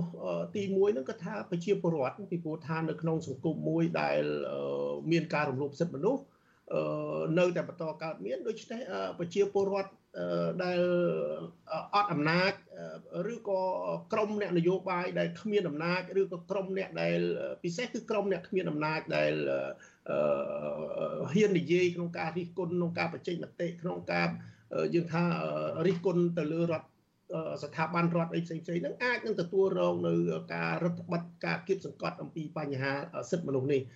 ហើយរឿងផលប៉ះពាល់ទី2វាអាចរដ្ឋាភិបាលពីព្រោះថានៅពេលដែលរដ្ឋាភិបាលនៅបន្តមានការរំលោភដែលគេមើលឃើញនៅមានការរំលោភសិទ្ធិមនុស្សអញ្ចឹង ក៏ថាយើងដឹងថារដ្ឋាភិបាលកម្ពុជា គឺជារដ្ឋាភិបាលដែល បានផ្ដល់សេចក្ដីបានទៅលើឧបករណ៍សិទ្ធិមនុស្សច្រើន បាទរួមមានកតិកាសញ្ញាអនុសញ្ញាអីផ្សេងផ្សេងតាក់ទងទៅនឹងបញ្ហាសិទ្ធិមនុស្សហ្នឹងចឹងបើសិនជារដ្ឋាភិបាលមិនបានបំពេញនៅកតបកិច្ចពីព្រោះក្នុងការផ្ដល់នៅសេចក្ដីបានទាំងអស់ហ្នឹងគឺជាកិច្ចសន្យាមួយជាកិច្ចព្រមព្រៀងមួយរវាងរដ្ឋាភិបាលកម្ពុជាជាមួយនឹងអង្គការសហប្រជាជាតិថា រដ្ឋាភិបាលនឹងបដិញ្ញាធ្វើយ៉ាងណារៀបចំរៀបរយប្រទេសរបស់ខ្លួននឹងឲ្យប្រជាពលរដ្ឋរបស់ខ្លួននឹងអាចអាស្រ័យបាននៅសិទ្ធិមនុស្សដូចមានរៀបរាប់នៅក្នុងកតិកាសញ្ញានៅក្នុងអនុសញ្ញានៅក្នុងសេចក្តីប្រកាសសកលអីជាដើមអញ្ចឹងប៉ុន្តែបើរដ្ឋាភិបាលអត់បានអនុវត្តនៅកាតព្វកិច្ចទាំងអស់ហ្នឹងបំពេញនៅកាតព្វកិច្ចទាំងអស់ហ្នឹងទេ អានឹងរដ្ឋាភិបាលប្រឈមទៅនឹងការរិះគន់របស់មតិអន្តរជាតិមួយចំនួនទៀតពីព្រោះថាយើងជាសមាជិកនៃអង្គការសហប្រជាជាតិដូច្នេះនៅពេលដែលមានកិច្ចប្រជុំពិសេសគឺការកិច្ចប្រជុំត្រួតពិនិត្យជាសកល UPR អីទាំងអស់នេះក៏ថាគេនឹងមានការរិះគន់មកលើរដ្ឋាភិបាលបន្ថែមទៀតរឿងទាំងអស់នេះហើយជាបណ្ដាបណ្ដាតើតើលោកនេះសុខាមានអនុសាសន៍បែបណាទៅកាន់រដ្ឋាភិបាលដែរនៅក្នុងដំណាក់កាលនេះបាទ បាទគេឈ្មោះរបស់រដ្ឋាភិបាលមិនល្អទេណារឿងទាំងអស់ហ្នឹងហើយវាអាចមានការដាក់សម្ពាធផ្សេងទៀតតទៅទៅនឹងយើងដឹងហើយថាមានប្រទេសមួយចំនួនគេបានចែងច្បាប់រហូតដល់ដាក់អរិញទណ្ឌកម្មទៅលើបុគ្គលមួយចំនួនដែលជាគោលដៅអ្នកដែលរំលោភសិទ្ធិមនុស្សនឹងថែមទៀតផងបាទដូច្នេះនេះវាជារឿងមួយអាម៉ាស់ខ្លាំងណាស់សម្រាប់ប្រទេសមួយដែលមានការរិះគន់ជំទឹះពីបណ្ដាប្រទេសជាសមាជិកនៃអង្គការសហជាតិដូចគ្នាអញ្ចឹងណាដូច្នេះខ្ញុំមានចំណុចខ្លះដែលខ្ញុំគិតថារឿងដែលរដ្ឋាភិបាលត្រូវកែលម្អ ទី1ខ្ញុំមើលឃើញមកដល់ដំណាក់កាលនេះហាក់បីដូចជារដ្ឋាភិបាលព្យាយាមក្នុងការយើងយើងយើងមើលមកផ្លែតឃើញថាដូចលោកវ៉ុនចាន់ឡូតដូចអូនតារាលើកមិញហ្នឹងថាកំណែតម្រង់ប្រព័ន្ធយុតិធធអីហោហែហ្នឹងយើងមើលមកផ្លែតទៅឃើញហាក់បីដូចជារដ្ឋាភិបាលពីព្រោះរឿងប្រព័ន្ធយុតិធធនេះវាផ្សារភ្ជាប់ទៅនឹងរឿងសិទ្ធិមនុស្សហ្នឹងហើយតែកាលណាប្រព័ន្ធយុតិធធយើងមិនមិនដំណើរការល្អទេគឺប្រព័ន្ធហ្នឹងជាតាមពិតប្រព័ន្ធហ្នឹងគឺជាប្រព័ន្ធដែលការពារសិទ្ធិមនុស្ស និយាយមែនតើណាប្រព័ន្ធយុតិធធហ្នឹងណាពីព្រោះថាអ្នកដែលទទួលរងនៃការរំលោភសិទ្ធិមនុស្សវាត្រូវតែទទួលបានយុតិធធអំពីប្រព័ន្ធហ្នឹងប៉ុន្តែបើប្រព័ន្ធនឹងមិនមានយុតិធធទេណាដោយការវាយតម្លៃរបស់អរិញអង្គការអន្តរជាតិដែលដាក់កម្រិតនៃការព្រួយបារម្ភទៅលើប្រទេសយើងពីរឿងនីតិរដ្ឋកម្រិតហ្នឹងណាមានន័យថាប្រព័ន្ធហ្នឹងវាលែងទៅជាប្រព័ន្ធការពារសិទ្ធិមនុស្សហើយវាទៅជាប្រព័ន្ធមួយដែលរំលោភទៅលើសិទ្ធិមនុស្សទៅវិញឃើញទេ ដូច្នេះយើងយើងព្រួយបារម្ភខ្លាំងណាស់នៅពេលដែលប្រព័ន្ធយុទ្ធធម៌មួយដែលមានបញ្ហាប៉ុន្តែទោះយ៉ាងណាក៏ដោយយើងឃើញថាមានការតាំងចិត្តថាបីដូចជាមានការកែតម្រង់នៅប្រព័ន្ធហ្នឹងមានអីហោហែប៉ុន្តែយើងឃើញឲ្យឲ្យផលដែលជាវិជ្ជមានត្រឡប់មកវិញហ្នឹងយើងអត់ទាន់ឃើញមានទេបាទយើងអត់ទាន់ឃើញមានស្អីដែលទទួលបាននៅផលវិជ្ជមាននេះផ្ទុយទៅវិញយើងបង្កើតគណៈកម្មការមួយដែលគេហៅថាអឺ បើយើងនិយាយទៅថាមានគណៈកម្មការកំណែតម្រង់ប្រព័ន្ធយុទ្ធធរប៉ុន្តែបើយើងមើលអំពីឯករាជ្យភាពរបស់តុលាការហេតុអីបានយើងមិនប្រើឧត្តមក្រុមប្រឹក្សានៃអង្គចៅក្រមពពោះឧត្តមក្រុមប្រឹក្សានៃអង្គចៅក្រមគេមានសិទ្ធិក្នុងការដាក់ទោសដាក់ទណ្ឌទៅដល់ចៅក្រមណាដែលប្រព្រឹត្តខុសទៅទៀតបើអញ្ចឹងគឺយើងទៅបង្កើតប្រព័ន្ធមួយទៅជន់លើអាតួនាទីឬក៏ប្រព័ន្ធមួយទៀតដែលមានស្រាប់ហើយយើងអត់ទៅមើលប្រព័ន្ធដែលមានស្រាប់ក្នុងវាដើរទេយើងទៅខ្ញុំឃើញជាជាលើលើរដ្ឋាភិបាលតែ